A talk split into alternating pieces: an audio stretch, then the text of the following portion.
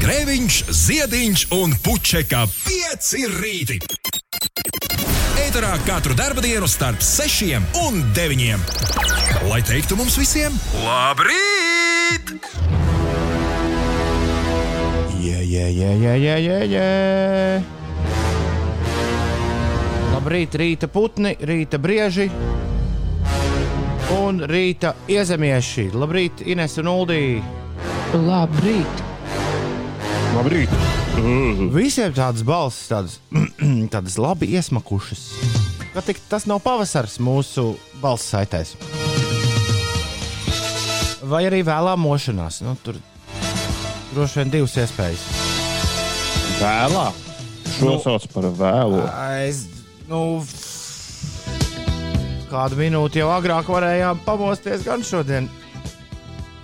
Vai vismaz rosīties sākt kādu minūti ātrāk. Pasties jau 8 pār 6. Sorry par kavēšanos. Uh, Sliktā meitene raksta, vakar bija gara diena, 15 stundas šī nostrādājusi un 750 km nobraukusi. Tā kā, ja tev liekas, ka tev ir ulu grūta dzīve, tad paklausies šito. Šodien viņai kaut kas līdzīgs. Derētu ripot ārā no gultas, bet galīgi negribas, lai visiem izdevusies šī diena. Mēs turam īkšķus, lai tu izripotu tomēr no tās gultas ārā un ripot tālāk. Jo, zini, kā pirmo kilometru ātrāk nobrauksi, ātrāk ar visiem 750 galā tiksi. Tas tāds ticējums, kas vienmēr darbojas. Ir 9 minūtes pārpusdienas sešiem, un es vēlos atklāt šo rītu ar šo skaņdarbu. Aizdītajā nedēļas nogalē lietu sakritība man atgādināja par višķi piemirsto Emīļas Mēnes un Džona Briona mūziku skaņu filmai Magnolija. Jūs esat Magnoliju redzējuši? Manuprāt, nē. Pēc, paga, par ko bija Magnolija? Magnolija bija par to, kā visiem cilvēkiem sajiet tūtā dzīve. Un tad, kad visi galīgi tūtā sagājas, tad no debesīm krīt vārdas.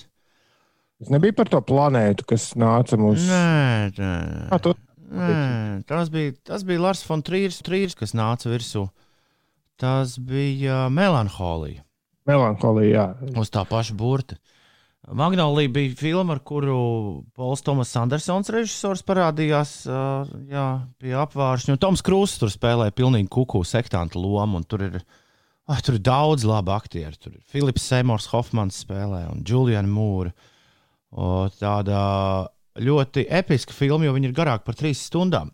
Bet tas nemirklī, dēļ tā, ka tur ir ļoti daudz varoņu un viss ļoti ātri iet uz priekšu, tas nemirklī uh, nav šķērslis, lai to filmu skatītos. Un es atceros, 99. gadā, kad šī filma iznāca, es tieši, tieši Lieldienu brīvdienās to redzēju kinoteātrī. Kaut kā ienāca prātā doma, ka ļoti labi tā piestāvētu arī pandēmijas lieldienām. Tā kā savā pandēmijas lieldienu filmu sarakstā es Magnolijas pārskatīšanos esmu iekļāvis. Un tajā ir brīnišķīga mūzika, re, kur tieši par, par māju radio un par pandēmiju, par to, ka one is the loneliest number that you ever known. Tā bija Emīļa Mēna no Magnolijas filmas, kas atklāja šo rītu. Ir 13 minūtes pāri pusdienas sešiem. Uh, Jūlijas saka, ka viņam gribas vienu Oskara kebabu arābu roku uzkost. E, Oskara kebabu arābu uh, roks man nav, bet Oskara kebabu raps man gan ir. To katrā laikā šeit var dabūt. Jo šis taču ir 5 LV, ir 6,13. Labrīt! Labrīt! Uldis uztraucas, ka es Jūlija kunga referenci par uh, Very Cool People jauno dziesmu nesapratu. Nē, es visu sapratu ļoti pareizi. Edvards un Kristīna Prauliņa ir ļoti pietuvināti Very Cool People ansamblim. Uh, nu, jā, līdz ar to Oskara kebaba arābu roks man nav, bet Oskara kebaba repu mēs visi nu pat dzirdējām. Uh, vēlreiz atkārtošos. Ir 18 minūtes pārpusdienas sešiem. Labrīt, Ines! Kas notiek? Liela piepiestāļģenes kopš vakar vakar ūdens līmenis ir pazeminājies par pusmetru, bet pie Jelgavas ir paaugstinājies par 12 centimetriem un izkustoties ledus sastrēgumam, Jelgavā iespējams straušs ūdens līmeņa kāpums un lielupē kāpums lielupē un uh, palieņu aplūšana. Tas šobrīd notiek. Bet uh, citādi par laikapstākļiem pat laban uh, kurzemē ir skaidrs laiks, bet pārējā valstī daudz mākoņu. Vietām vidzemē un latgalē iespējami nelieli īslaicīgi nokrišņi. Dažviet valstī uz ceļiem izveidojies apladums, apladojums. Apladums. Apladums. Kas notiek? Es neesmu laikam kārtīgi labrīt. Ga gaisa temperatūra 0,3 grādi, bet uh, dienas laikā Latvijā būs pārsvarā sauss un uh, saulains laiks. Vējš iegriezīsies no ziemeļrietumiem un brāzmās pastiprināsies līdz 9,14 metriem sekundē. Gaisa temperatūra dienā plus 3, plus 9 grādi, Rīgā spīdēs saule. Un arī šeit gaidāms brāzmains vējš līdz 13 metriem sekundē, bet plus 5 grādu silts. Un vēl 2020. un 2021. gada kalendārā ziema ar vidējo gaisa temperatūru mīnus 2,7 grādi Latvijā kļuvusi par augstāko ziemu kopš 2012. un 2013. gada. Šeit tev! Jā. Šeit tev. Pēc tik skaista saulrieta kā vakar, Anete raksta, garstāvoklis šorīt uz visiem simts. Un Vaiba saka, ka apledums, apledums esot foršs vārds. Jā, kāda vaina. Šodien būs apledums, bet uh, parādio blurums. Kad skan mūzika, es neredzu krāsas. Es neesmu no tiem, uh, kurš stāsta, ka viņi redz uzreiz kaut kādas krāsiņas. Bet es aizdomājos, klausoties Song 2, ka man mūzika asociējas ar noteiktiem laika apstākļiem. Ja precīzāk, es varu pateikt, kas ir saulaina mūzika un kas nav saulaina mūzika. Un šī blur dziesma un vispār viss tas blur, blur albums man saistās tikai un vienīgi ar saulainu laiku. Kas droši vien ir skaidrojams tikai un vienīgi ar to, ka tas iznāca saulainā pavasarī. Bet, ja es turpināšu šitā muldēt, tad Dūlis to izvilks 97. gada laika prognozi un sāks stāstīt mums, ka nekas, nekas, nekas saulains jau tur nebija nemaz tā. Pēc gan ne. Bet interesanti, ka tā, tā tas kaut kā ir ienācis. Tā tas kaut kā atmiņā palicis. Līdzīgi kā es podkāstam varu uztīt atpakaļ kaut kādu vietu, ko es gribu atrast, atceroties, kurā vietā pilsētā es biju, kad es to dzirdēju. Ja es, teiksim, esmu klausījies podkāstu pēdējā mēneša laikā, tad, un es šausmīgi gribu atrast tur, kur viņi runāja, nu, teiksim, tur par, nezinu, par konkrētu koncertu. Tad es atceros, es to klausījos, ejot mājās pa brīvības ielu, un tas koncerts bija piemēram pie Vidzemes tirgus. Un tad Un es apmēram tā tīnu atpakaļ. Tad, tas bija pie vidzemes tirgus. Tā es uztinu šo vietu. Ah, nē, šo viņi runāja jau ģērtrūdas ielā, šo viņi runāja cēsu ielā. Tīnam atpakaļ. Bet Ļoti interesanti. It nemaz neizmanto pulksteni, nu, lai attītu atpakaļ. Nē, nu tas ir, nē, ja man pēc tam kaut kad vajag, nu, tur nezinu, dažas jā. nu, dienas vēlāk, tad, protams, ka es neizmantoju pulksteni. Bet nē, vienkārši interesanti tas, ka man tas dzirdētais ir absolūti sa sasējies kopā ar vietu pilsētā, kur es to esmu dzirdējis. Jā. Es sāku pētīt, mūzika ar gadu laiku. es to, es toties Ines sāku pētīt 97. gada pasaules čempionāta hokejā rezultātus. Jo Latvija ieguva labāko rezultātu, man šķiet, uh, Ah, tas bija tas slavenais. tas bija Tur mēs ar slavenais. Kanādu nospēlējām neizšķirt vai kaut ko tādu. Tur. Man bija skolas biedram bija teikrakls ar visiem tiem rezultātiem uz muguras. tas gan izklausās dīvaini. Kas tieši? Tev ir visi hokeja čempionāta rezultāti. Nē, ne tikai tās Latvijas spēles labās. Bija tādas ražoja tajā laikā. Latvija 97, un tad tur bija eh, Latvija, Kanāda, Latvija, Zviedrija. Laikam. Un es ar Zviedriem nospēlējām neizšķirti, un, un, un, Jā, jā. un tur, man liekas, šveiciešus riktīgi, nē, norvēģus asitām. Bet, bet kāpēc īsti tu par to šobrīd runā? Bet Kanāda, man Dziesma. liekas, ka bija gadu vēlāk. Jā, tas viss ir tas pats laiks. Tas viss vēl ir joprojām atsaucoties uz Blur un Song 2, kas skanēja nu pat 6 un 25. Labrīt, Rīga, labrīt, Latvija, labrīt, pasaulē! Kerčs ieiet sodu laukumu. Nē, nē, tas fut- futbolā ieiet sodu laukumā. Es gribēju tev jautāt, kas īsti ir soda laukums? Saspēle pretinieku, uh, pretinieku zonā un Pretinieku aizsardzības zonā saspēle, Kerčs met un. Oh! Tā mums bija 3-3 pret Kanādu. Tas bija 9. Es nevaru atrast, kur tas ir fiksēts Wikipēdijā. viens viens pret Zviedriem nav fiksēts. Es atradu rakstu Delfos.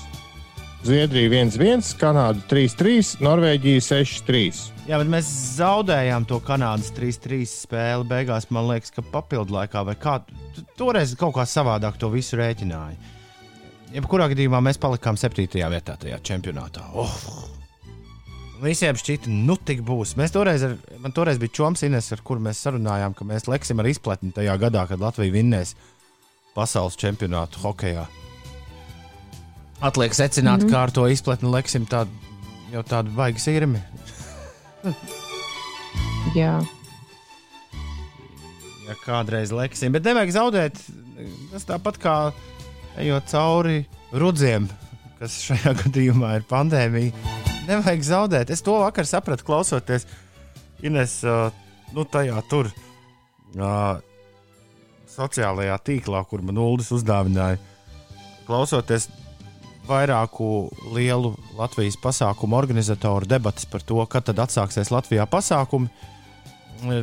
Viena, viena tāda lieta, kas uh, ir sausais atlikums no tās sarunas, bija tas, ka mēs, uh, nu, ka valstīm, it īpaši lielvalstīm, kurās visu laiku tiek uzturēta sajūta cilvēkos, ka jau tūlīt viss būs, ka tur tā kā cilvēki ir priecīgāki un laimīgāki nekā, nekā pie mums, kurus rīta diskžokais jau gadu mēģina uzzīmēt kaut kādu bildi un saprast, kas te pie vēlama notiek. Un tā vietā, ka lai mēģinātu, mēģinātu izdomāt, cik ilgi šis varētu ilgt, un katru reizi saņemt atbildi baigi ilgi, nu, ka tā vietā daudz laimīgāk cilvēki esot, ja viņiem visu laiku stāstot, ka, ej, tūlīt būs! Un ar to arī izskaidrojums Boris Džonsona. Es domāju, ka ar to arī izskaidrojums Boris Džonsona 21. jūnija plāns, kad nu, Anglijā es esmu dzirdējis vairākus DJs uh, Britu salās runājam šajās dienās, ka, ai, ka nevar sagaidīt to 21. jūniju. Tad tik būs. Jo viņiem tiešām ir iedēstīta sajūta, ka tajā brīdī tu izies ārā no mājas un tu ines būs atpakaļ pusotru gadu atpakaļ tajā pasaulē, kur tu pameti. Un tā viņi Bet tur tas ir dzīvo. tikai, bet tas ir tikai tagad. Viņi jau vīlušies iepriekš. viņi būs. Datumā, Jā, kad būs- tā nenotiks. Jā, bet nu, tīri teorētiski, ja mēs šitā pat runātu visu laiku, kas mums tagad ir aprīlis Bet, uzlikts? bet no kurienes tu ņēmi to visu laiku? Jo viņi jau to tikai tagad ir pateikuši. Pirms tam viņiem visu laiku bija tieši tāpat kā mums. Nē, nē, vakar, vakar tas bija Kaspar Gorkšs, futbola vīra komentārs par to, ka it īpaši sportā tur visu laiku tiek uzturēts šis mīts, ka tūdaļ pat viss atgriezīsies. To viņš ļoti Nu, neesmu es, to, dzirdējis. un es, to, es, to arī, es to arī esmu jutis no, no, no savas puses. Nu, Par Angliju runājot, es katru rītu lasu Anglijas avīzes, katru dienu klausos Anglijas radio, nu nav tur nekā tāda. Tas ir tikai tagad, Boris ir pateicis par 21. jūniju, un arī tam ir gal, viens ļoti nopietns iemesls - vakcinācija. Kas viņiem iet krietni ātrāk nekā mums. Viņi sāka paši pirmie. Nu, jā, un viņi arī ražo paši, un tur Nu, mūsu, procents. mūsu tie cilvēki, vakar, kas vakar runāja, tur ir tīpaši Ievirbina, kur ir Hanzas Perona pārvaldniece un ar lielu pieredzi dažādu milzīgu uh, pasākumu organizēšanā. Viņa ir bijusi pozitīvs festivāla direktori vairāk kā desmit gadus. Jau bija ar pasaules, uh, Eiropas pasākumu organizācijas uh, kaut kādiem cilvēkiem pamatīgi runājusi par to, kāds ir vispār Eiropā noskaņojums. Un man ļoti darīja zīmīgi tas, ko viņa teica, ka, uh, korelā, ka neviens nerunā par vakcināciju, uh, korelāciju ar kaut kādu pasākumu notikšanu vai nenotikšanu. Nu, respektīvi, nekur netiek pieņemts tāds variants, ka tagad tiešām būs pasītes katram, kurš būs savakcinējies, un tad tas tagad varēs iet Ines, uz koncertiņu, un tas, kurš nebūs, tas nevarēs.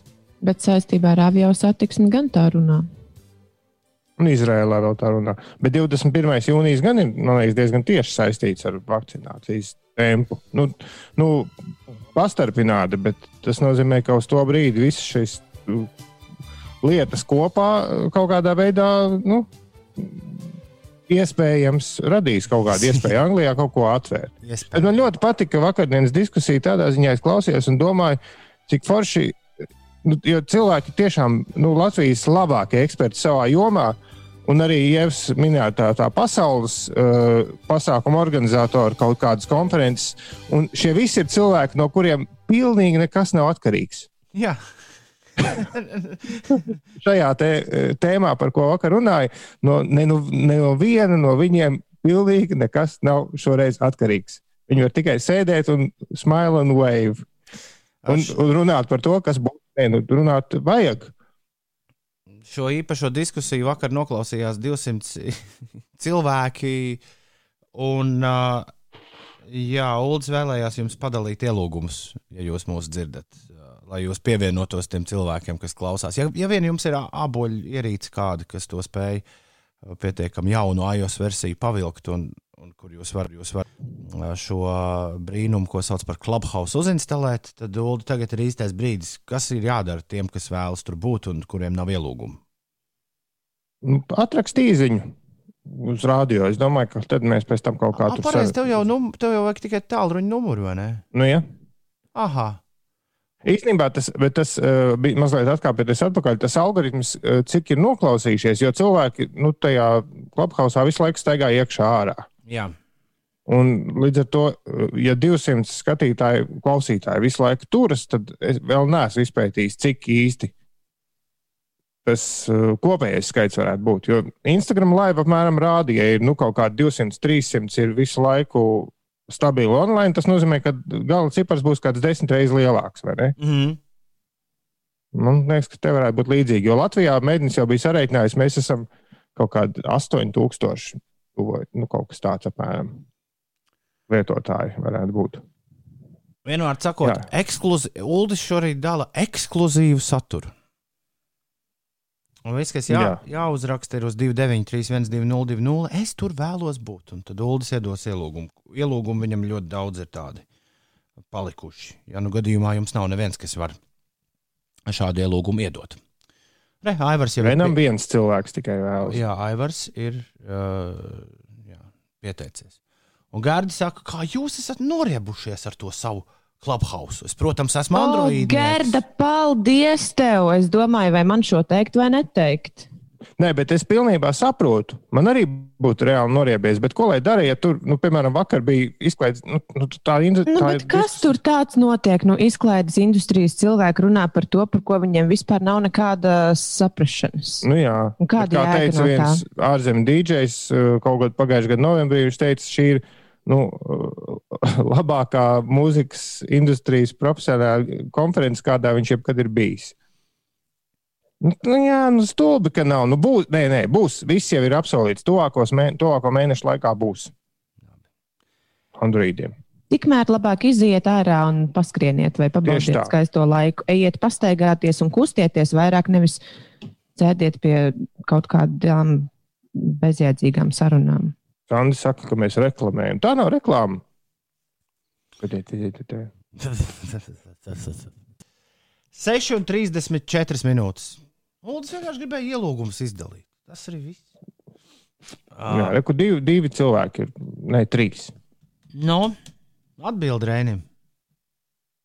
Ah, Rēnis mums raksta, Reinis tagad pikts, ka, ka mēs neiekļaujoši, ne, Katrīna rakstīja par iekļaujošu sabiedrību un par to, to ka mēs runājam par to, to kas... Katrīna rakstīja, ka mēs rakstīja, esam par jā. iekļaujošu sabiedrību, bet nepārtraukt runājam par to, kas nodala vienu sabiedrības daļu no otras. Bet Ingūns, piemēram, mums katru reizi, kad mēs pieminam Instagram, pikti raksta, ka viņš nav Instagramā. Man liekas, tas ir tieši tas pats. Un, ja kāds nelieto īsiņas, tad tas ir tieši tas Ārprāts. pats. Kas... Jā, un ja kāds eh, neklausās, piemēram, radio, tad viņš arī visu šo laiž garām. Bet, pagi, tur ir bijusi atšķirība. Tu vari nelietot īsiņas, bet, ir, bet īsiņas lietot ir iespējams nu, praktiski visiem cilvēkiem. Nu, izņemot tiem, Kam kuriem ir, kuriem ir telefoni jā, un kuriem redzi? Eh, nav jā, parastie telefoni. Tas ir tieši jā, tas pats. Jā, jā. Tā ir lielāka daļa nekā tie, kas uh, Bet, Nenormāli nu, tad... grib būt klubhausā, bet viņi tur nevar būt. Bet tad mēs sākam par procentiem runāt. Cik jā, bet, iespējams ļoti. Mīļie draugi, es, es, es apsolu, ka mēs dozēsim klubhausa sarunas turpmāk. Jo Jā. Bet, uh, es vienkārši gribēju, šo, šoreiz likās būtiski padalīties ar domu graudu, ko neviens, kā jau bieži tas gadās, neuz, neuztvēra. Do... Bet eh, Reinis rakstīja, ka Snapchat, Snapchatam arī bija baigie plāni. Vairāk kā gadu bija rādio jāklausās par Snapchat. Kur tas viss tagad vēstures mēslēnē? Reini, bet mēs secinājām, ka mēs vienkārši esam pa vecu Snapchatam. Mums tur nav jābūt. Mums tur vienīgi tas Iespējams, gadu mums- prasīja. Lai- Iespējams, mūsu, mūsu nu, pieciniekam tur būtu jābūt, jo Snapchats jau nekur nav pazudis. Mēs vienkārši esam veci. Arī tu. Viņiem tur, man liekas, neprāt, viss notiek un notiek. Dārgie, un Nenotiek paskaties. viss TikTokā. Arī. Dārgie vecie jaunieši, lūdzu, paklausīsimies, kas ir uh, sakāms Inesei. Ir 6,39. Neaizmirstiet arī dzīvot paši. Nu, tā kā jūs sēžat visu laiku sociālajos tīklos, tad atcerieties, ka ir arī cita dzīve. Bet uh, labi, es pastāstīšu par sportu. Latviešu basketbolists Kristaps Porziņģis vakar guva 17 punktus Nacionālās basketbola asociācijas spēlē un palīdzēja Dallasas Mavericks komandai izcīnīt uzvaru. Uh, Mavericks viesos ar rezultātu 130 pret 124 pārspēja Orlando Magic spēlētājus. Un uh, labi veicies arī mūsu tenisistei Aļonai Ostapenko. Viņa vakar, vakar Dohas sieviešu tenisa asociācijas 500 turnīra pirmajā posmā 55 minūšu garā cīņā ar rezultātu 6-0, 6-2 graujoši apspēlēja Nīderlandes zvaigzni Kiki Bertensa, kurai šis bija sezonas pirmais eh, mačs. Un šobrīd notiek Nacionālās hokeja līgas eh, spēle, kur sacenšas San Jose Sharks pret Colorado Avalanche. Atgādināšu, ka Šarks sastāvā spēlē Rudolfs Balcers, un šobrīd ir spēles otrā trešdaļa. Diemžēl rezultāts par labu eh, Colorado spēlētājiem 0-2 šobrīd ir. Un, ja vēl mazliet paturpinām par sportu, tad eh, šodien Saimas izglītības, kultūras un zinātnes komisijas sporta apakškomisijas sēdē spriedīs par sporta sacensību organizēšanas un sporta un fitnesa klubu darbības atjaunošanas iespējām pašmājās. Jā, daudzi draugi pazīstami, kuriem ar šo ir biznesa saistības, tāpēc višķi gribas turēt īkšķus, lai viņiem arī šis tas izdodas. Uh, ir seši. Un- Jā, Jā. Nē, es gribēju tikai teikt, ka mums jau ir jābūt tiem, kuri visas šīs pārējošos struntus izmēģina, lai jums tas nav jādara. 6,41. Ulu tur imsies. 6,41. Tagad būs džeks. Pat kas vecs. Tas patīk noteikti visiem. Džezā. Tikai Meitenes. Ko tu tur nenojies pašai savu džeziņš galu galā? Tev ir ripina turpu šurpu pa dzimtajām ārēm. Mēs ļoti reti tur klausāmies džēzu. Uh, nu, tā ir jūsu problēma. Mūsējā. Tā nemaz nav mums Jo, dže, jo problēma. džeks visiem ir pieejams atšķirībā no, no citām lietām. Okay, šodien es skatos vienu no retajām. Pagaidām 2021. gada džēzus platēm, kuru noteikti ir vērts noklausīties. Uh, bet nu, tāda bišķi uz eksperimentālu raksturu. Uh, bet uh, vismaz viens no tiem albumiem, jā, kas tiešām ir, ir uh, atzīts uh, kā kā viens no svarīgākajiem aizvadīto mēnešu notikumiem. Tas gan iznāca jau novembrī pašā beigās, bet tā kā novembrī pašā beigās viss bija aizņemti vai nu ar labdarības maratonu organizēšanu, vai arī ar visu gada labāko albumu topu stādīšanu, tad tā tas mēdz gadīties mūzikas industrijā, ka tos gada nogales albumus ieskaita jau nākamajā gadā. Un tieši tāpat ir gadījies ar ar uh, Čikāgas mūziķu Robu Mazureku. Viņš ir komponists, viņš spēlē korneti uh, un uh, liels improvizators. Viņš ir. Un viņš visciešāk uh, pārstāv Čikāgas džēzus scēnu. 2005. gadā Čikāgas kultūras centrs un džēza institūts viņam palūdza uztaisīt ansambli, kas uh, spētu uh, parādīt mūsdienīgu un uh, avangardi, avangardisku uh, Čikāgas džēza skaņu. Un tā uh, Robs Mazureks savāca uh, kopā Exploding Star Orchestra. Un kopā ar uh, Exploding Star uh, Orchestra Robs Mazureks tad, uh, no pagājušā gada beigās ir laidis klajā skaņu platu Dimensional Stardust, no kuras šorīt es arī vēlos jums uzlikt kaut ko, kaut ko ļoti modernu, uh, Čikāgas, ja, avangardas skaņas uh, pārpildītu uh, skaņdarbu Galaxy 1000. Robs Mazureks un Exploding Star Orchestra.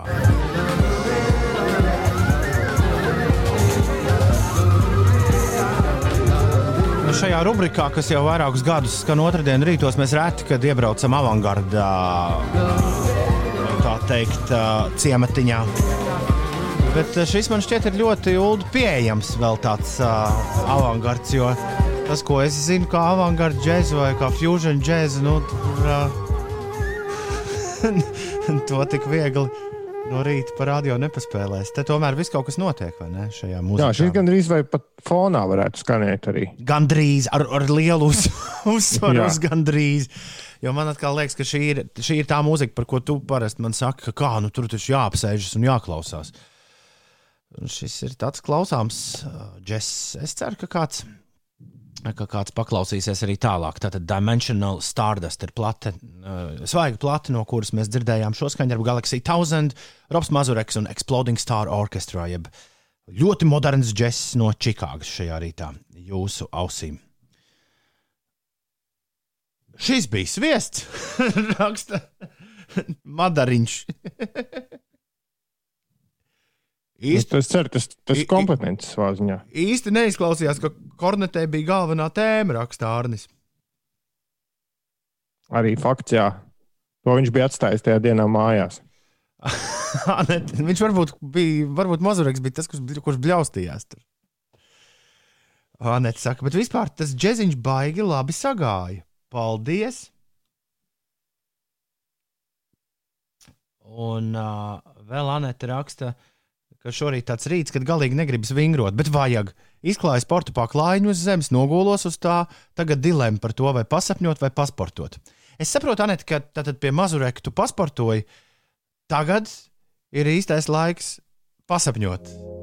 Ir 6,49. Šis ir Inters Busulis un abonementu orķestris, un vēl arī Gigi Choir dziedās dziesmu, kas uzvarēja muzikālajā bankā pirms mēneša, laikam aptuveni.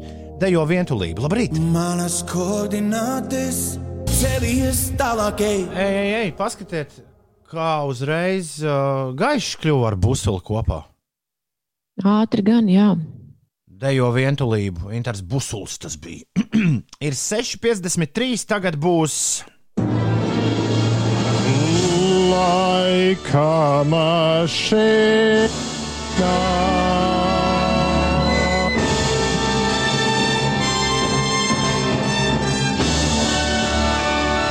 Leģendārs un slavens gabals, bet es pat sajauktu, kas viņu izpildīja.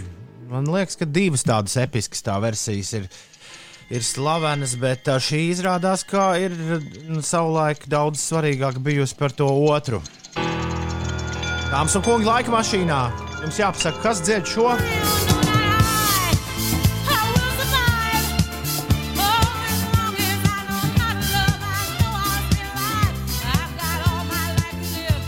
God love that I will survive. I will survive.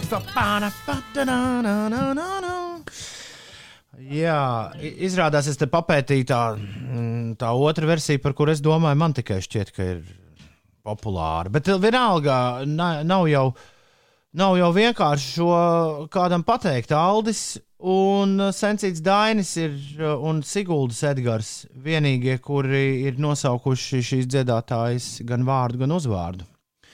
Pārējiem es neieskaitu šodien startu laika mašīnā, un stipri šaubos, ka to ar šo cieto riekstu tiks galā arī mani kolēģi. Bet nu paskatīsimies, Ines, kā tev liekas, kā sauc šo dāmīti, kas dziedāja šo dziesmu?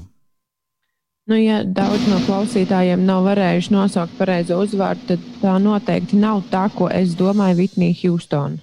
Tā nav Vitnija Hjūstona, bet es neteiktu, ka tas šāviens ir pavisam garām. Nu, viņš ir jā, nu, tā teikt, tālu no vārtiem, bet, bet puse bija pareizā. Ines.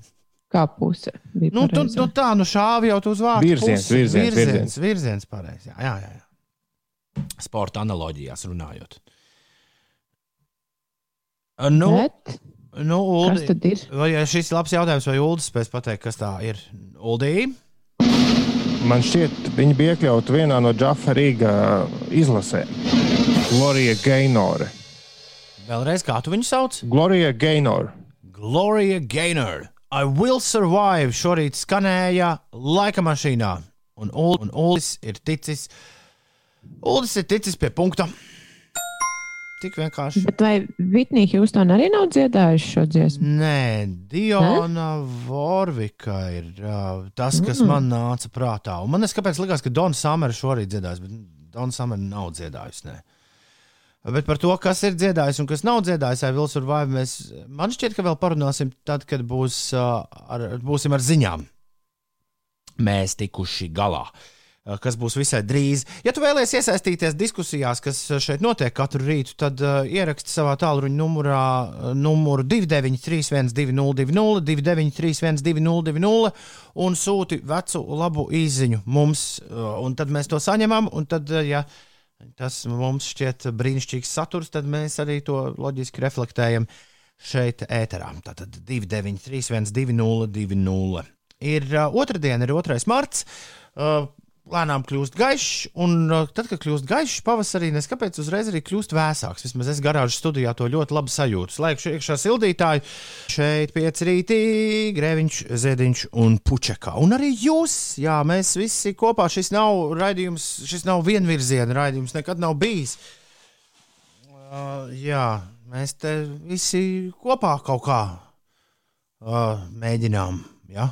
Interaktēt. Un rekur Līvs raksta, ka viņš ir līdz Zviedrijai ticis. Šis gan ir interesants. Varš. Te ir miljons akmeņu, kur, varētu, kur tu varētu kāpelēt, Ines. Jā, varētu tā būt. Tā lēkāšana pa zviedru piekrastes akmeņiem man arī tīri labi tīk.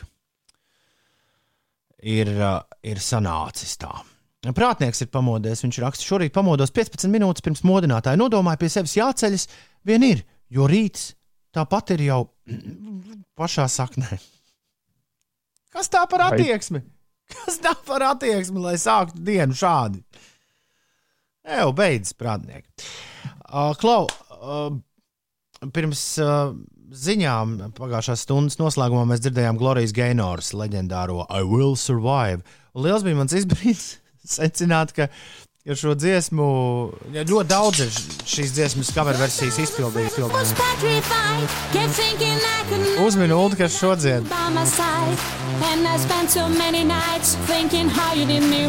Kaut kāda politiķa? Nē,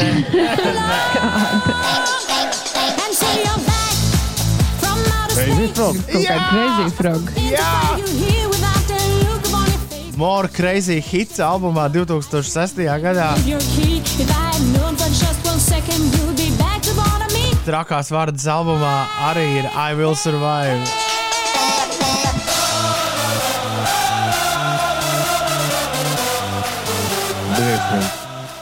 Tiešām šausmīgi. Šausmīgi ir īstais vārds. Fabrikas covers. Kas ir? Fabrikas. Kas ir? Nē, nu, droši vien talantu fabrika domāta, bet Reini. Eh. Ines, tu zini, kas ir talantu fabrika? Redzi? Nu, bija tāda, kad es mācījos vēl pamatskolā. Tas bija baigi sen, Reini. Liksim no fabriku mierā. Ir uh, 8 minūtes pārpusdienas septiņiem. Paskatīsimies kalendārā, kas mums rakstīts. Jo kalendārā rakstīts liels lietas šorīt. Jā, esam satikušies 2. marta rītā. Šodien Lailai, Lavīzei un Luīzei ir vārdu svētki.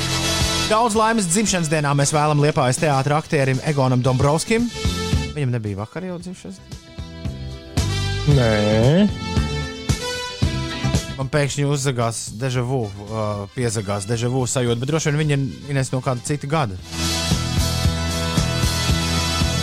Latviešu aktierim Megīlam Melbārdim ir dzimšanas diena.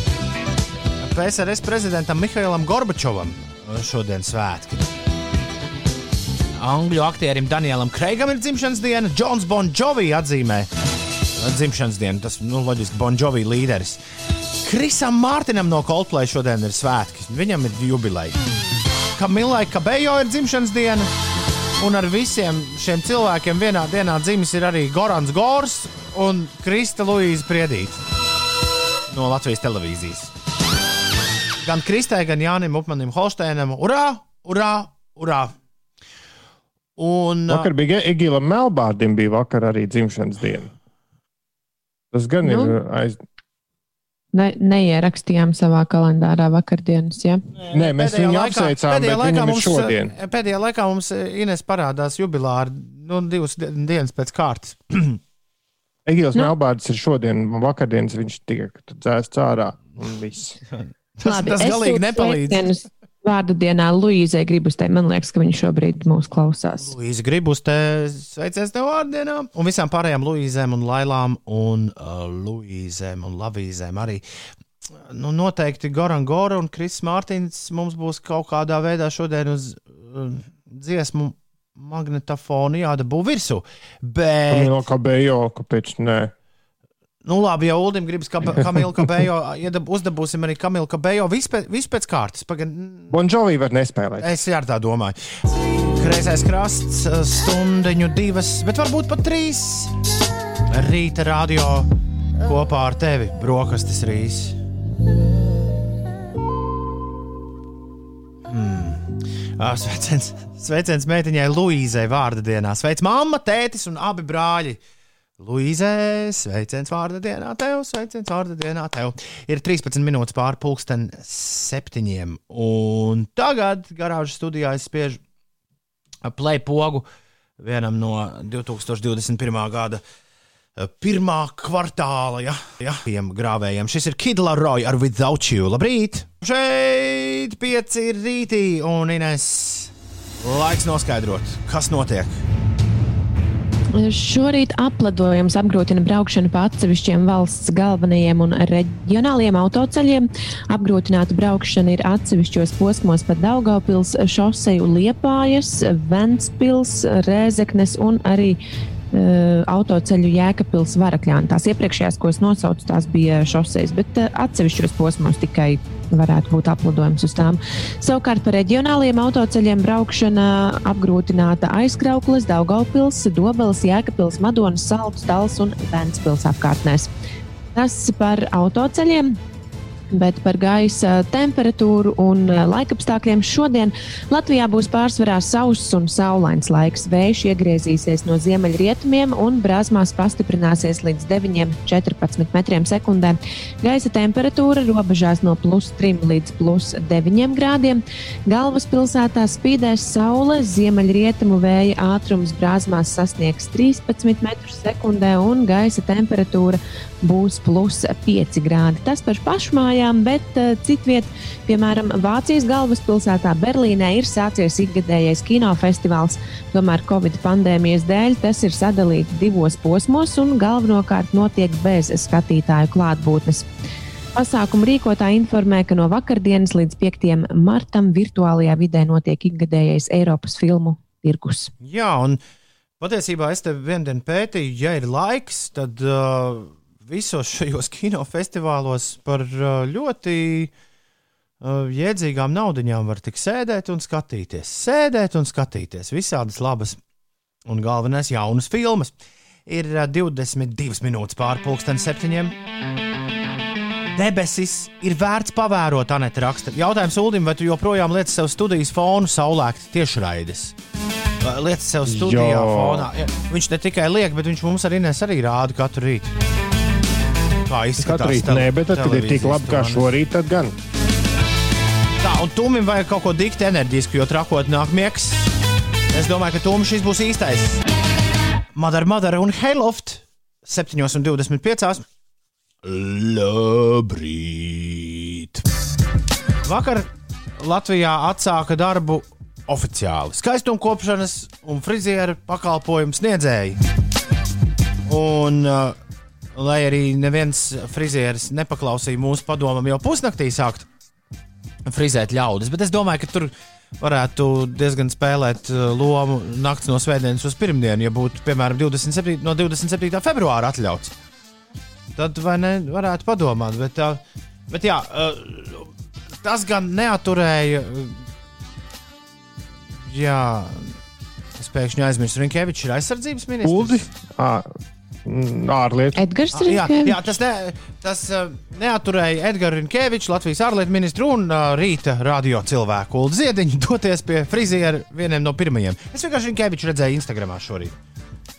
Es domāju, ka daudzi ir uh, bijuši pie friziera jau pirmajā dienā. Bet, tie ir di- bet šie ir divi cilvēki, kas publiski to ir parādījuši skaidri un gaiši. Vismaz manā redzeslokā pārējiem. No stāsti, kas tur bija pie tā friziera?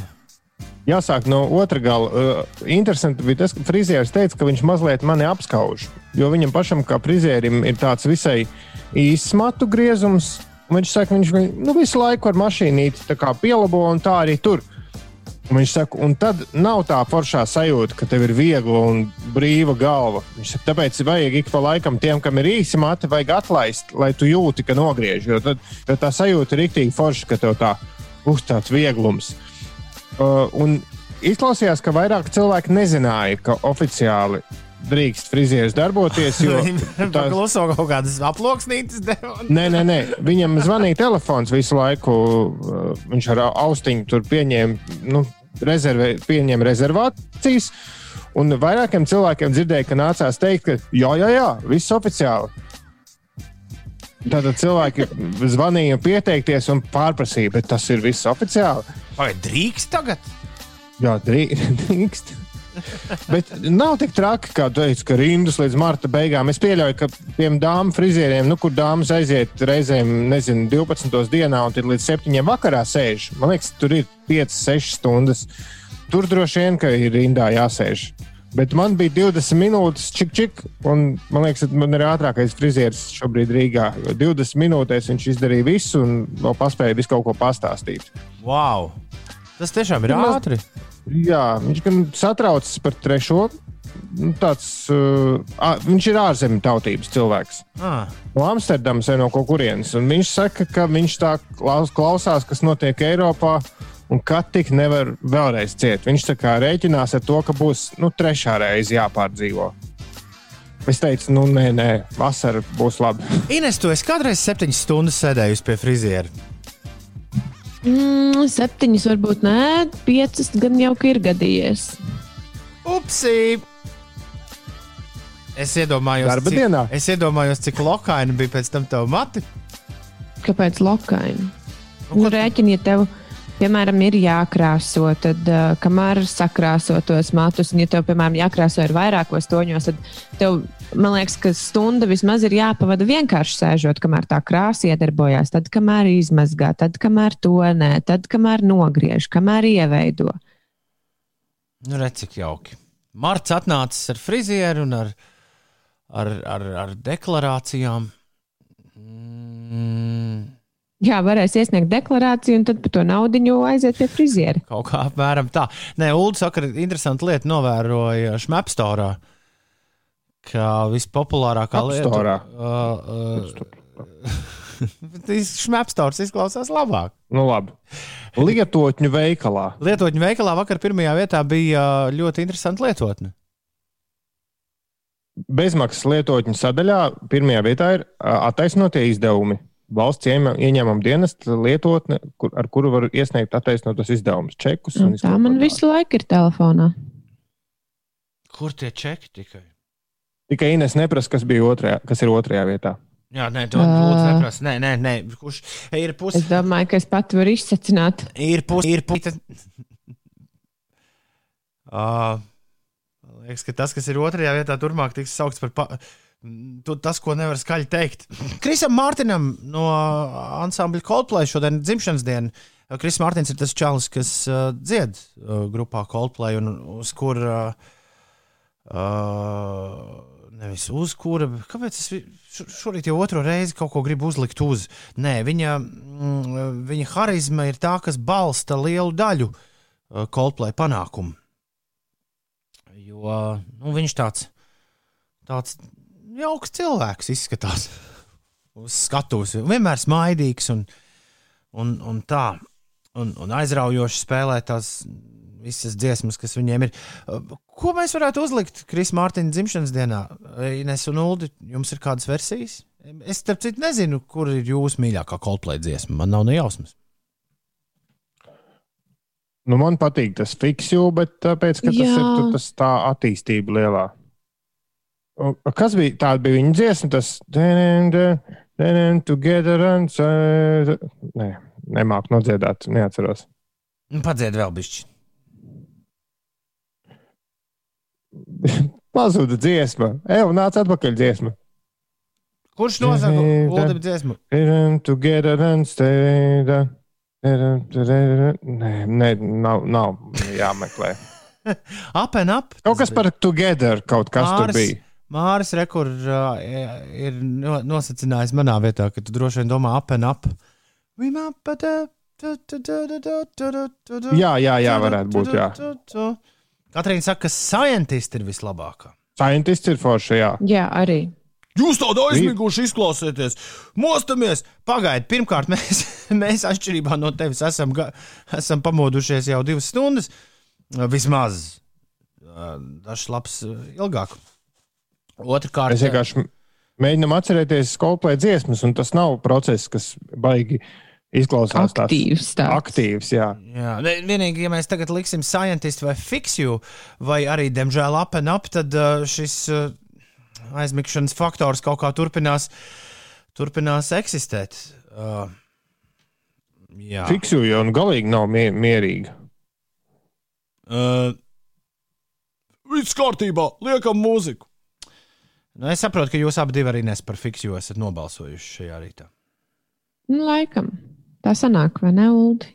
Nu, Mārtiņam dzimšanas diena. Gal, Man galīgi, liekas, viņš to gribētu. galīgi nav mierīga dziesma.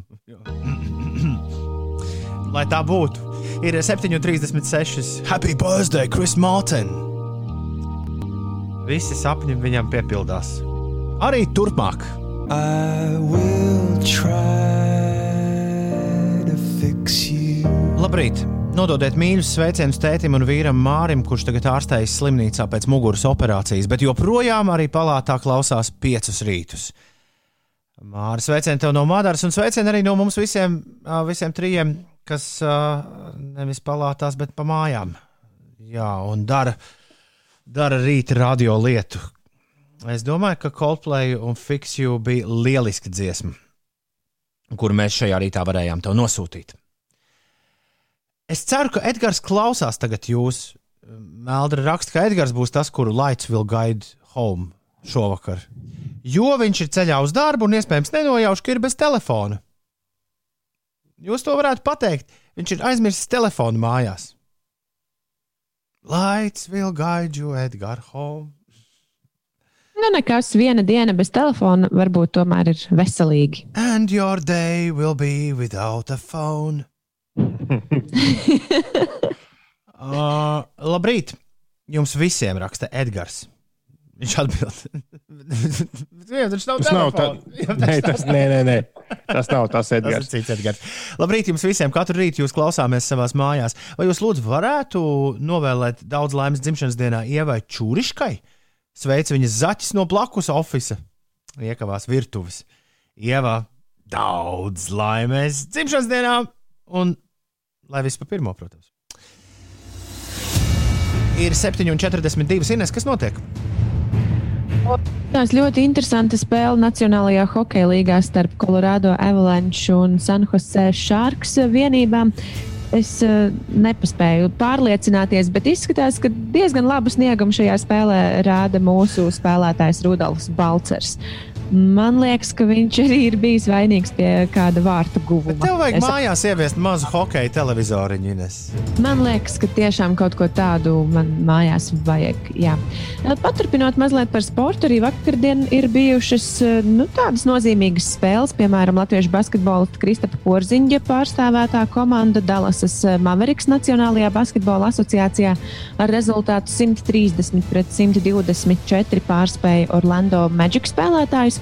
Porziņģis šajā spēlē guva 17 punktus, un Latvijas tenisa līdere Aļona Ostapenko Dohas sieviešu tenisa asociācijas 500 turnīra pirmajā posmā 55 minūšu garā cīņā ar rezultātu 6-0, 6-2 apspēlēja Nīderlandes zvaigzni Kiki Bertensu, kurai šis bija sezonas pirmais mačs. 6-0, 6-2. Tas ir nu, iespaidīgi. Jā, bet uh, tiešām Bertens nebija ļoti ilgi spēlējusi. nu, Jā, pirms slavējām varbūt ir paveicies mūsu spēlētājai ar to, ka otra spēlētāja nav sen spēlējusi. Jā, nē, nē, nu, kādu dienu jau atkal tās mūsu dāmas uh, tā pamatīgi izšaus. Nu, kāpēc lai tas nenotiktu pandēmijas laikā? Jo tagad vismaz nav tur, zin kā, atcerieties to vienu Wimbledonu, kur mēs vismaz es baigi skatījos. Es nezinu, vai mēs visi kopā baigi skatījāmies, bet, bet to Wimbledonu.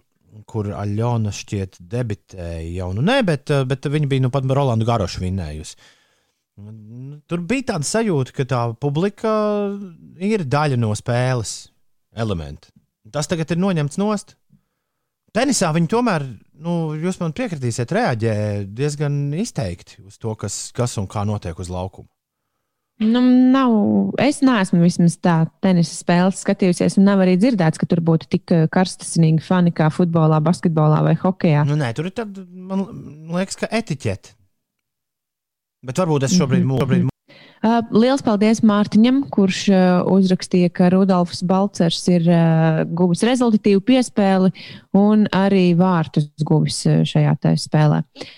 Kas Nacionālajā hokeja līgā pat labi notiek. Es uh, izlasīju arī, ka viņš ir nu, ne gluži gulējis ripas ceļā, bet arī bloķējis metienus. Tā kā Rudolfs Balcers uguņo šī rīta hokeja spēlē. Dar, ko var. Varonis. Dar, ko var. Mūsējiem ir jāuzvar.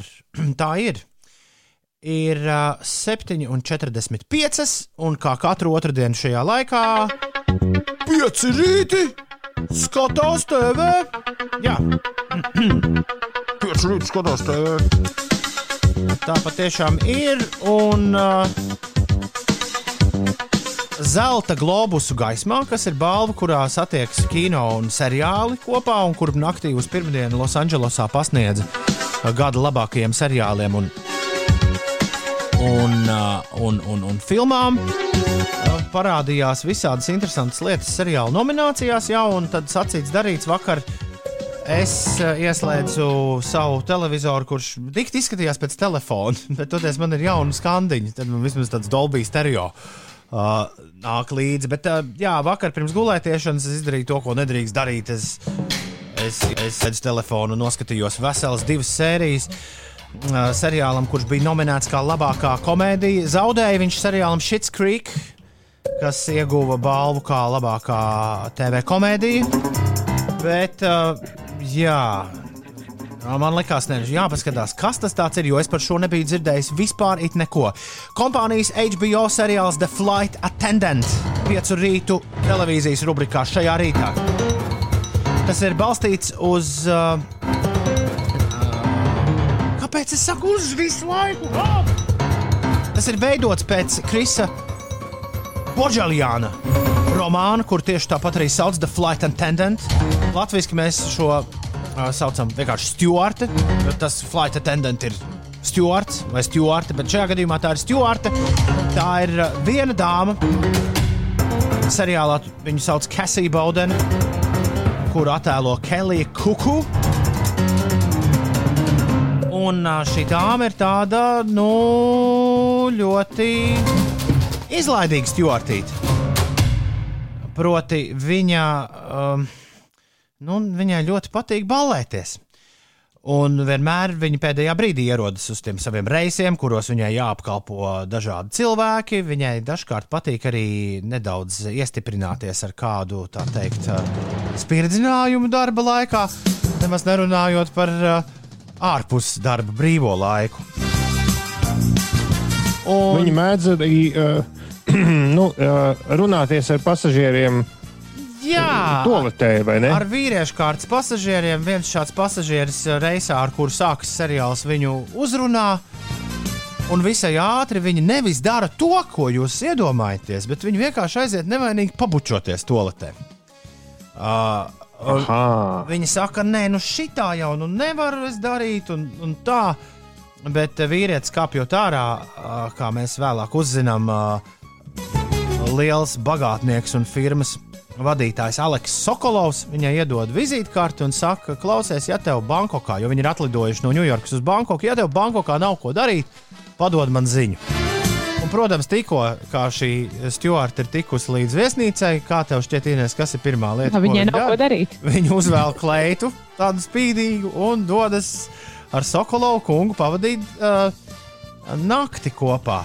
Sākumā tur vakariņas, un kas tik ne. Un, bet mēs to visu redzam tādā ļoti ekspresīvā montāžā, kur noslēdzas ar uh, vislabāko vēmu dziesmas Wake Me Up Before You Go Go pielietojumu.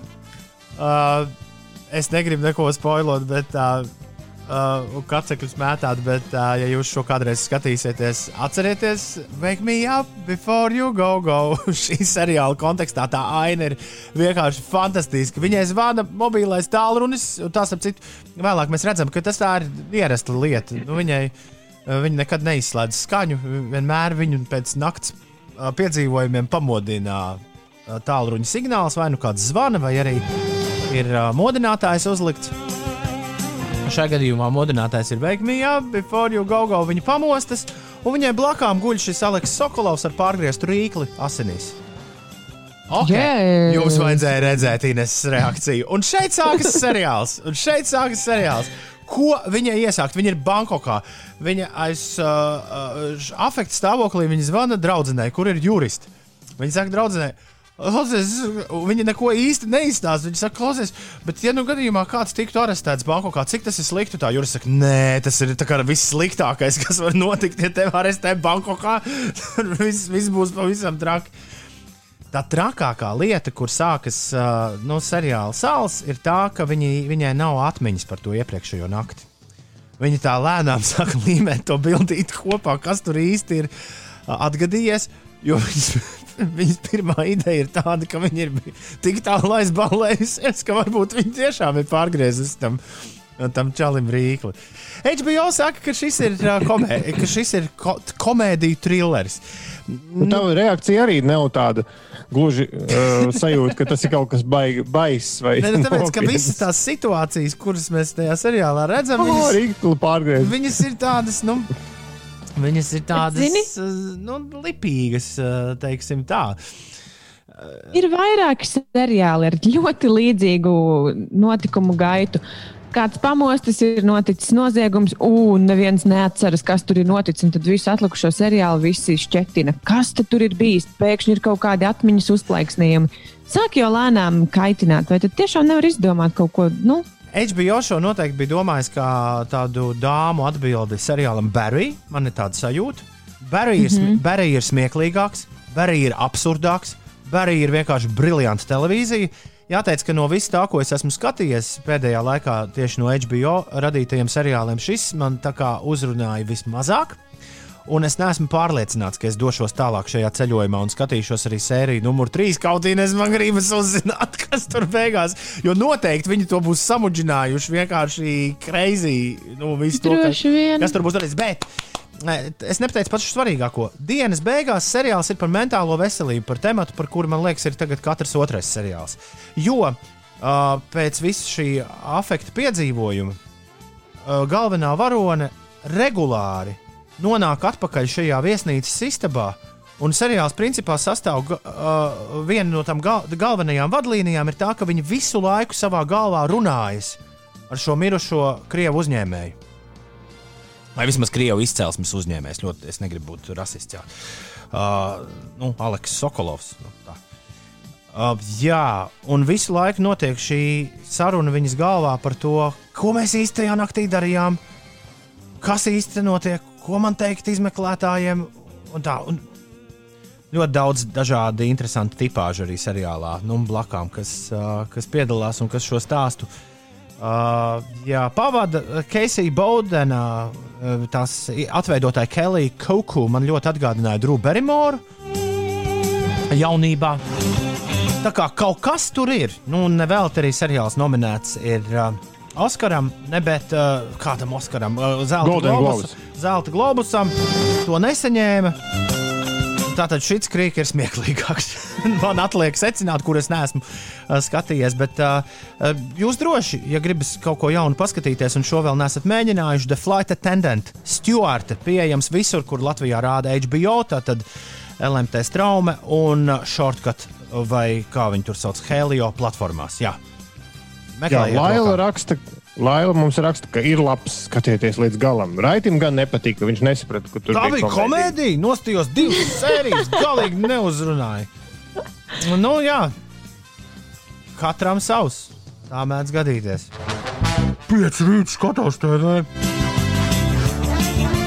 Vai es pišķiņi ieskicēšu sarunu, ko mēs ar Ulu vedam, kamēr, vedām, kamēr skanēja ziņas par to, ka visādi jauni straumēšanas servisi mums visai drīz būs klāt, jo ļoti daudz globālu spēlētāji nu, tomēr arī grib mūsu teritorijā ienākt. Lai arī mēs esam maziņi, bet uh, tomēr, nu, paldies Dievam, ir cilvēki, kuri grib valdīt pār visu pasauli. Līdz ar to viņi rada lietas, kas ir visai pasaulē. Ja, jums, ja jums šķiet, Ines, ja tev šķiet, ka šobrīd jau ir, nu, cik var tos straumēšanas servisus, tad parunāsim pēc gada. Kāds būs, kāds būs stāvoklis visā pasaulē? Respekt, respektīvi, tā vietā, lai viss varētu skatīties vienā vietā un, un ļaudis maksāt naudu, un visi būtu laimīgi, tā vietā viņi beigās pateica, nē, mēs katrs ņemsim savu saturu un citiem nedosim. Nu, Nu, bet, piemēram, bet, piemēram, ja tūlīt uzrādīsies trīs jauni uh, forši video uh, satura veidotāji, uh, iespējams, ka viņiem var kaut kādu tur to ģimenes joku taisīt. Mēs varam, mēs varam vienkārši sadalīt, Ines. Es, es abonēju vienu, Ulas abonē vienu, tu abonē uh, trešo. Trešo, un tad mēs pa mēnešiem maināmies savā starpā ar. Nē, kāpēc? ā, Nu, Viņus jau parasti var skatīties daudz, uh, daudz cilvēku. Nu, tie- tāpēc jau Jā, tā ir bet vai- ģimenes tad, tad tur konti. arī. Nu, Nu, labi, tu pat tev ir konkrēti vajadzība pēc Mandalorian, bet, bet es nevaru iedomāties vēl kaut ko tādu, pēc kā, būt, kā šobrīd trūktu. Nu, Jau tā netiek galā ar visu to, kas ir. bērniem visas Pixar multens latviešu un Disneja multens arī būs uh, liels pa pasākums, ja tas tā būs. Jā, pats tā būs. Jā. Nu, skaņu celiņi pieder viņiem, kurus ir mums pazīstami cilvēki taisījuši. Kāpēc lai viņi tos uh, neizmantotu un neliktu iekšā savā sistēmā? Tas būtu visai Jā, dīvaini, ja viņi to nedarītu. Labi, tas ir viens, bet tie pārējie. Visādi pīkoki un paramonti un, un hulu. Un, Hulu šobrīd, uh, Hulu nu pat vinnēja uh, Golden Globe par labāko filmu, piemēram, un mēs nekādīgi netiekam legāli klāt. Nu, labi, ir manas minētie festivāli jau šodien, caur kuriem mēs varam šo to paskatīties, bet Hulu mēs nevaram skatīties šeit uh, legāli. Un parama. Pa... Ā, Tas ir sarežģīti, bet, bet būs, ļoti, būs ļoti interesanti tā, tā prognoze, vismaz kādu es to redzu. 2021. gadam, ka straumēšanas servis vienkārši gāzīsies iekšā viens aiz otru, un, un katra lielā Holivudas kompānija grib uh, pievilināt ļaudis pie sevis. Tēvs Kraukšs prasa, vai Disneja Plus mums ir pieejams. Es tieši šo jautājumu šodien uzdevu Uldim, jo man ir atmiņā palicis, ka viņi grasījās ierasties mūsu reģionā 2021. gada aprīlī, bet Uldis atrada citu teikumu. Pirma, gada pirmajā pusē, Austrumē, Eiropā. Nu, tas Hulu- tikpat labi drīz var arī kļūt par gada otro pusi. Jā, Hulu saka, ka viņi ir stingri un noteikti tikai ASV tirgumu. Laimīgi taciņu. Ir 9 minūtes pār 8. Labrīt! Šeit Latvijas Rādio 5, 5 LV, 5 rītī. Ines Pučakā, labrīt! Labrīt! Ulu Ziediņa, labrīt! Labrīt!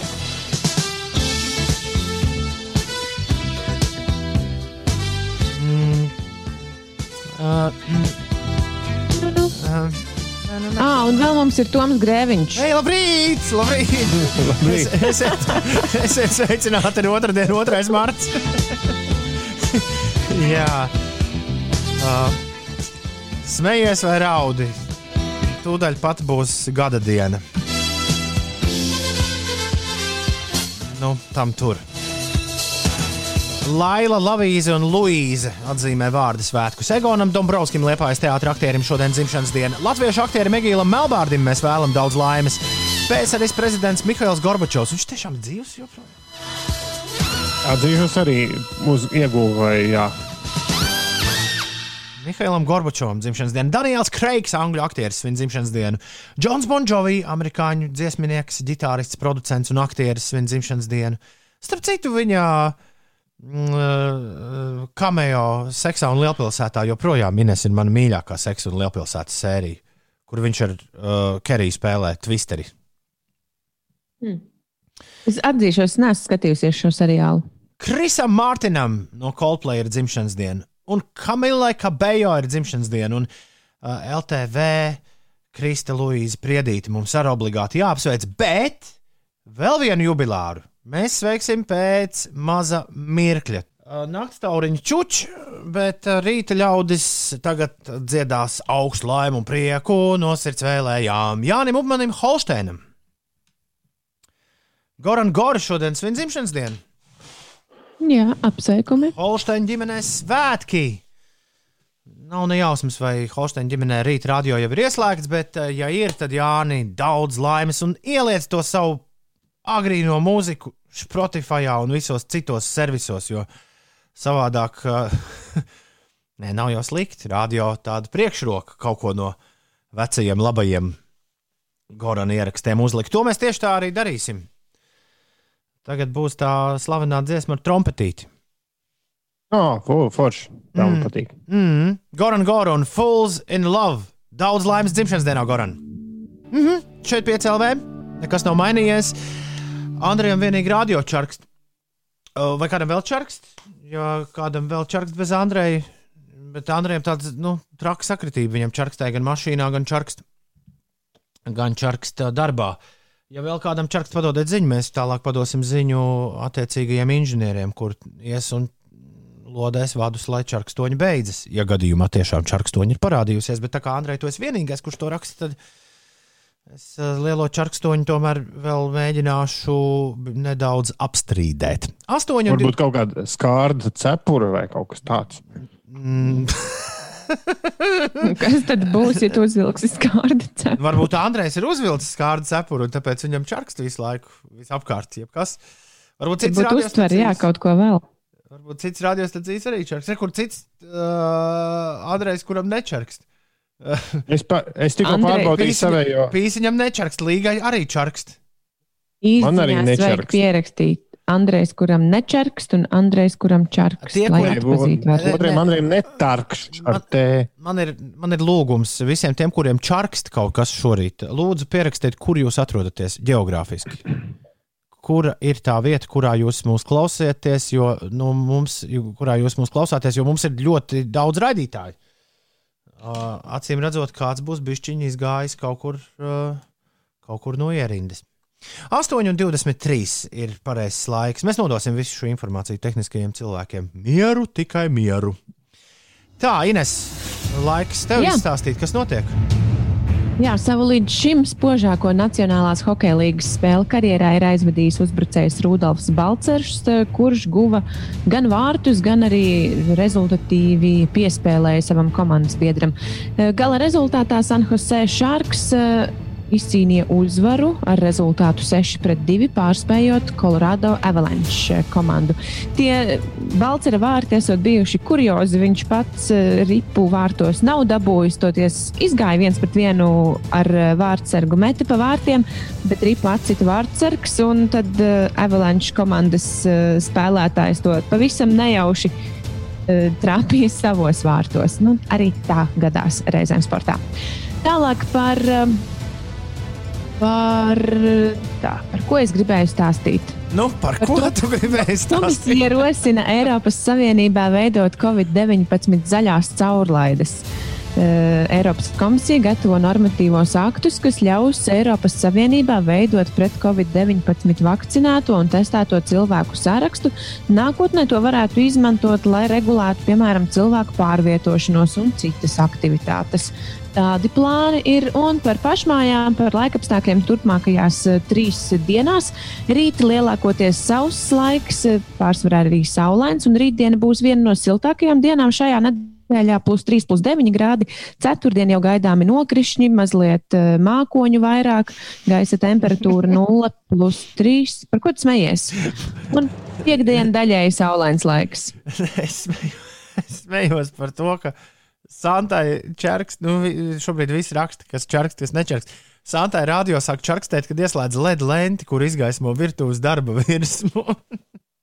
Un tad neslēdz iekšā. Tas tik vienkārši. Bet tumšs tad ir. Sveicienu Raimondam, kurš gatavo brokastis un visiem, lai skaista diena. Paldies, uh, Liene. Super Bermuda divstūris. Raksta Arnis. Kaut kā sen nav bijis viens jauns gabals bermudiešiem, ne? Bet viņi, es pieļauju, ka šādi varētu arī izklausīties. Tas bija tiesto.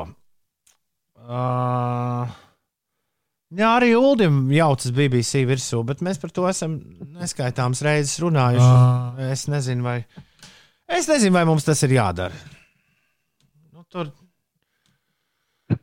šorīt. To mēs zinām, un to mēs zinām. Un, nu, diemžēl, it īpaši Brexit apstākļos, es nezinu, kā mēs to varam ietekmēt. Tā, jā. Tā, jā.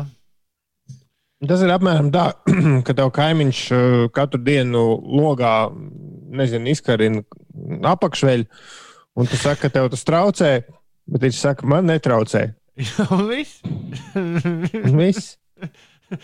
Tik vienkārši. Tik vienkārši, tik vienkārši tas arī ir.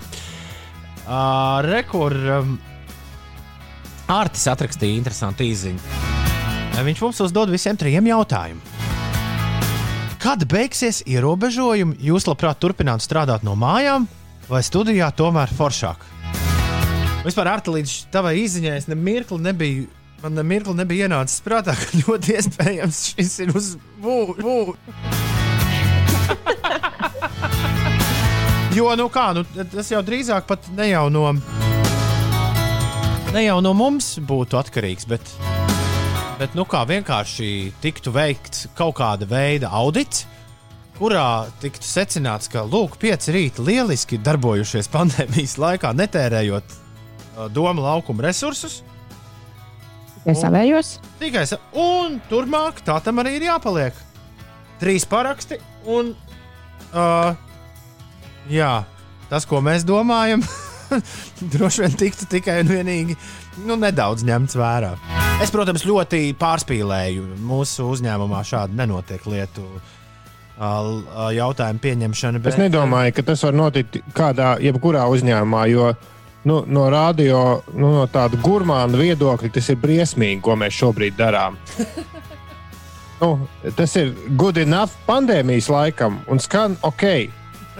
Un neviens jau nav arī tāds tur, eh, nu, nu kā tur. Kā to Bet tajā pašā nosaukt? laikā, kad beigsies pandēmija un būs vaļā robežas un varēs ceļot, man liekas, būtu ļoti forši atrasties, piemēram, uh, nezinu, Horvātijā un Jā. no rīta pastrādāt.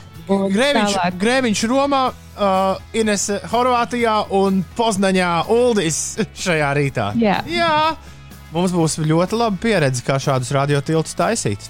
Tur nu gan tev ir uh, absolūta taisnība. Bet, uh, jā, varbūt rīta radio nav tas, tas labākais formāts, bet visādus m- raidījumus galvenokārt ar mūzikas ievirzi es gan redzu ļoti labi.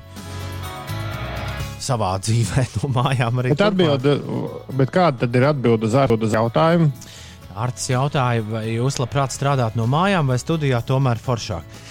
Studijā, studijā ir, redz, studija ir studija, nevis vienkārši istaba. Tur ir foršāk, tāpēc ka viņi ir pielāgoti tam, ko mēs darām. Jā. Skaidrs, ka mēs Man- visi par studiju balsot. Jā, es arī par studiju. Tas, ka, tas, ka ir eh, skaidrs, ka tu vari, piemēram, baidzības gadījumā nedēļu rīkot teletiltu no, piemēram, Liepājas, nerunājot par nu, pat, pat ārzemēm, nevajag braukt. Tas, ka tas būtu iespējams. Vai arī, piemēram, atcerieties, man ik pa laikam augustā bija tie kapu svētki, pēc kuriem ir nu, rīktīgi sarežģīti vakarā atkļūt uz Rīgu, un tad no Jā. rīta jābūt tāda Nu, tik vienkārši tāda pirmdiena, jo tas, ja tas pilnībā neietekmē raidījuma kvalitāti, tik biežāk. Bet tā Jā. ilgtermiņā, jā, Nu, un plus, jā, tas laikam tas galvenais, ka mēs tos ceļojumus, ja līdz šim mums viņi uh, vienmēr bija jāņem uh, inženieru brigāde līdzi. Tad tagad man šķiet, ka mēs būsim ar pietiekami labām zināšanām, lai to darītu bez viņiem. No ātri samest visu kaut ko mašīnā un. Tada! Labrīt no Pāvilostas! Vai kaut kā apmēram tā. Bet, nu, kad tas, viss tur būs, tas vēl ir, uh, tā teikt, atklāts jautājums. Instrumenti noteikti nevar nociesties, lai uzspēlētu meža parka lielajā estrādē. Tas tik būtu koncerts, nē, Ines? Jā, Nedomāju, ka haizivs tur lidot pa gaisu un, un, un kas, tik, kas tik vēl ne.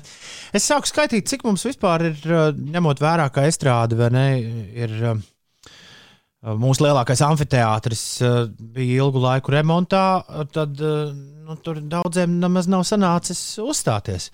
Prāt, vētri vairākas reizes to darījuši. Uh, Ahā reiz uzstādīja rekordu ārzemju koncertu gadījumā. Es ļoti labi atceros The Killers koncertu. Diezgan, jāsaka, bēdīgi slaveno, jo tur nu, daudzas, daudzas tehniskas lietas nebija gluži tā kā, tā kā vajag. Bet tas ir arī viss, kas pirmajā mirklī nāk prātā. Ah, nu, protams, tad vēl ansamblis, kur es tūdaļ pat atskaņošu, un kuram piekdienā nāk klajā jauns albums, bet es uh, uh, tieši vēlējos šādā veidā attaisnot savu visu laiku muldēšanu par šo ansamblu un, un, un šo jauno albumu. Uh, ar to, ka nu, cik tā mums ir tie ansambļi, kas ir savākuši pietiekamu kaudzītu ļaužu meža parka estrādē, un Kings of Leon to ir izdarī, izdarījuši. Man šķiet, ka man bija saslims puika, un es nebiju uz to koncertu. Un kāpēc Ulas nebija, to es nezinu, bet uh, es atceros, kā mēs sūtījām uz koncerta uh, norises vietu tajā rītā, kad koncerts notika. Mūsu tā laika Inesi, kur sauc Daira, uh, viņai bija pat vēl cits uzvārds. Nevis zīle kā tagad. Nu jā, un Daira runājās ar pirmajiem cilvēkiem, kurus uh, kuri stāvēja pie vārtiņiem un gaidīja, kad vērs vaļā. Un, ja nemaldos, viņi bija no Lietuvas. Jā, jā, jā pareizi. Bija, nebija vietējie. Šo fragment mēs varētu piekdienā atrast un uzspēlēt ēterā. Jo piekdien nāks klajā 7. vai 8. Jā, skat, 1, 2, 3, 4, 5, 6, 7, 8. 8. studijas albums trim brāļiem un vienam brālēnam. Falovila kungi būs atpakaļ ar jaunu mūziku. Viņu jauno plati sauc When You See Yourself, un pagaidām vēl joprojām mēs no tās esam dzirdējuši tikai un vienīgi trīs dziesmas. Un šī ir viena no tām, to sauc The Bandit. Kings of Leon, 5 LV. Ei, kas notiek? Kas notiek, Ines? Ines, kas notiek? nu stāst! Stāst, kas Notiek tas, ka neskatoties uz to, ka Somija ir viena no tām valstīm, kur ir viszemākie saslimstības rādītāji, eh, arī šī valsts Covid-19 pandēmijas dēļ izsludinājusi ārkārtas stāvokli, kas nozīmē, ka valdība var noteikt dažādus ierobežojumus. Tiesa pagaidām vēl nav eh, pieņemti nekādi lēmumi, taču nav izslēgts, ka nākotnē tas varētu notikt. Piemēram, viena no ide idejām jau ir eh, slēgt ēdināšanas uzņēmums no 8. marta līdz mēneša beigām. Um, Jā, mediķi gan informē, ka tā dēvētais kumulatīvais saslimstības rādītājs Somijā ir 111 gadījumi uz 100 tūkstošiem iedzīvotāju 14 dienās.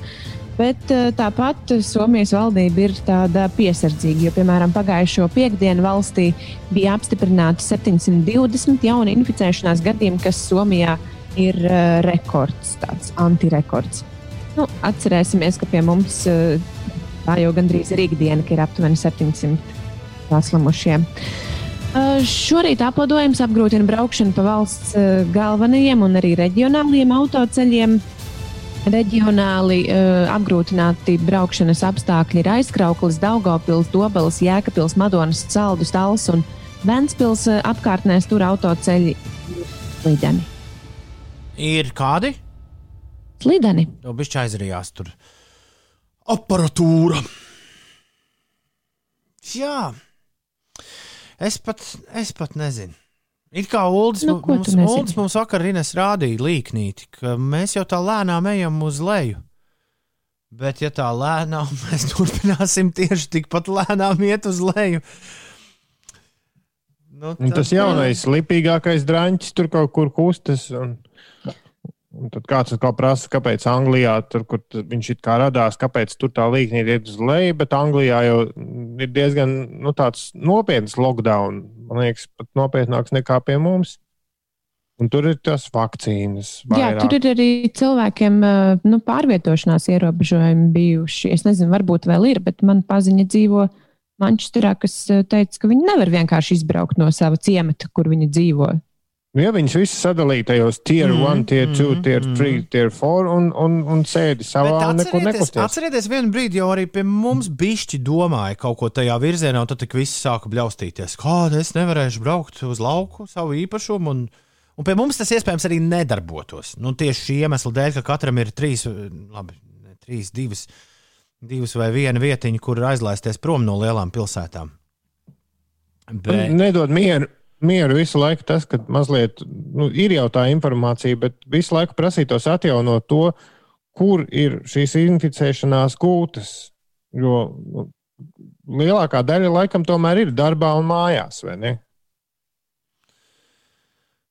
Nekur mm. citur. par citu tēmu ka Jā. jā. Par citu tēmu raksta kāds klausītājs. Vakar es pētīju Latvijas nodokļu sistēmu, jo esmu parādā valstī 300 eiro. Es sapratu, ka jāiet studēt grāmatvedību. Es tev varu nomierināt, anonīmais uh, klausītāji. Es uh, arī būšu diezgan daudz parādā. Bet uh, man ir prieks, ka uh, toties nodokļu reforma jau tā īsti nav. Bet, bet tagad kaut kā tur tas viss ir sakārtots tā, ka šis būs pēdējais gads, kad es būšu ļoti daudz parādā. Nu, tā, tas, tā tas vienkārši ir. Nu, viss. Tā ir jāpieņem. Tad nebūs vairs autora atlīdzības. Uh, tur tagad savādāk. Uh, nē, tagad viņi jau visus uh, dēļ uh, nodokļu celšanas man šķiet, ka tur visu apmaksā. No, un, un vēl arī autora, atlīdz, atlīdzības arī līdz ar to beigs cilvēku lietot. Lielākoties pēc 1. jūlija. Somijā gan fēni, pasties, Madara raksta, ja tas tiešām tā ir. Mums Somijā pašiem nekas nav jādara. Nodokļi tiek aprēķināti un pa pastu visi saņem aprīlī izrakstu. Atmaksa notiek ap 5. augustu, ja kaut kas jāatmaksā. Nu, Man Principā jau Ziemeļu valstīs tā ir, ka kāds cits aprēķina. nevis cits aprēķina, bet tas taču ir tik elementāri, jo viss, ko tu dari, jau tāpat kaut kur reģistrējas. Nu, Jā, arī, tikai tie, pie mums, mums pašiem ir jārēķina. arī tie pirkumi un viss pārējais. Taču, nu nekas kad pienāks, gal galā ir tas dzējolis, ja, kad pienāks Latvijai tie laiki, tad arī tā būs. 8,54 ir pareizais laiks.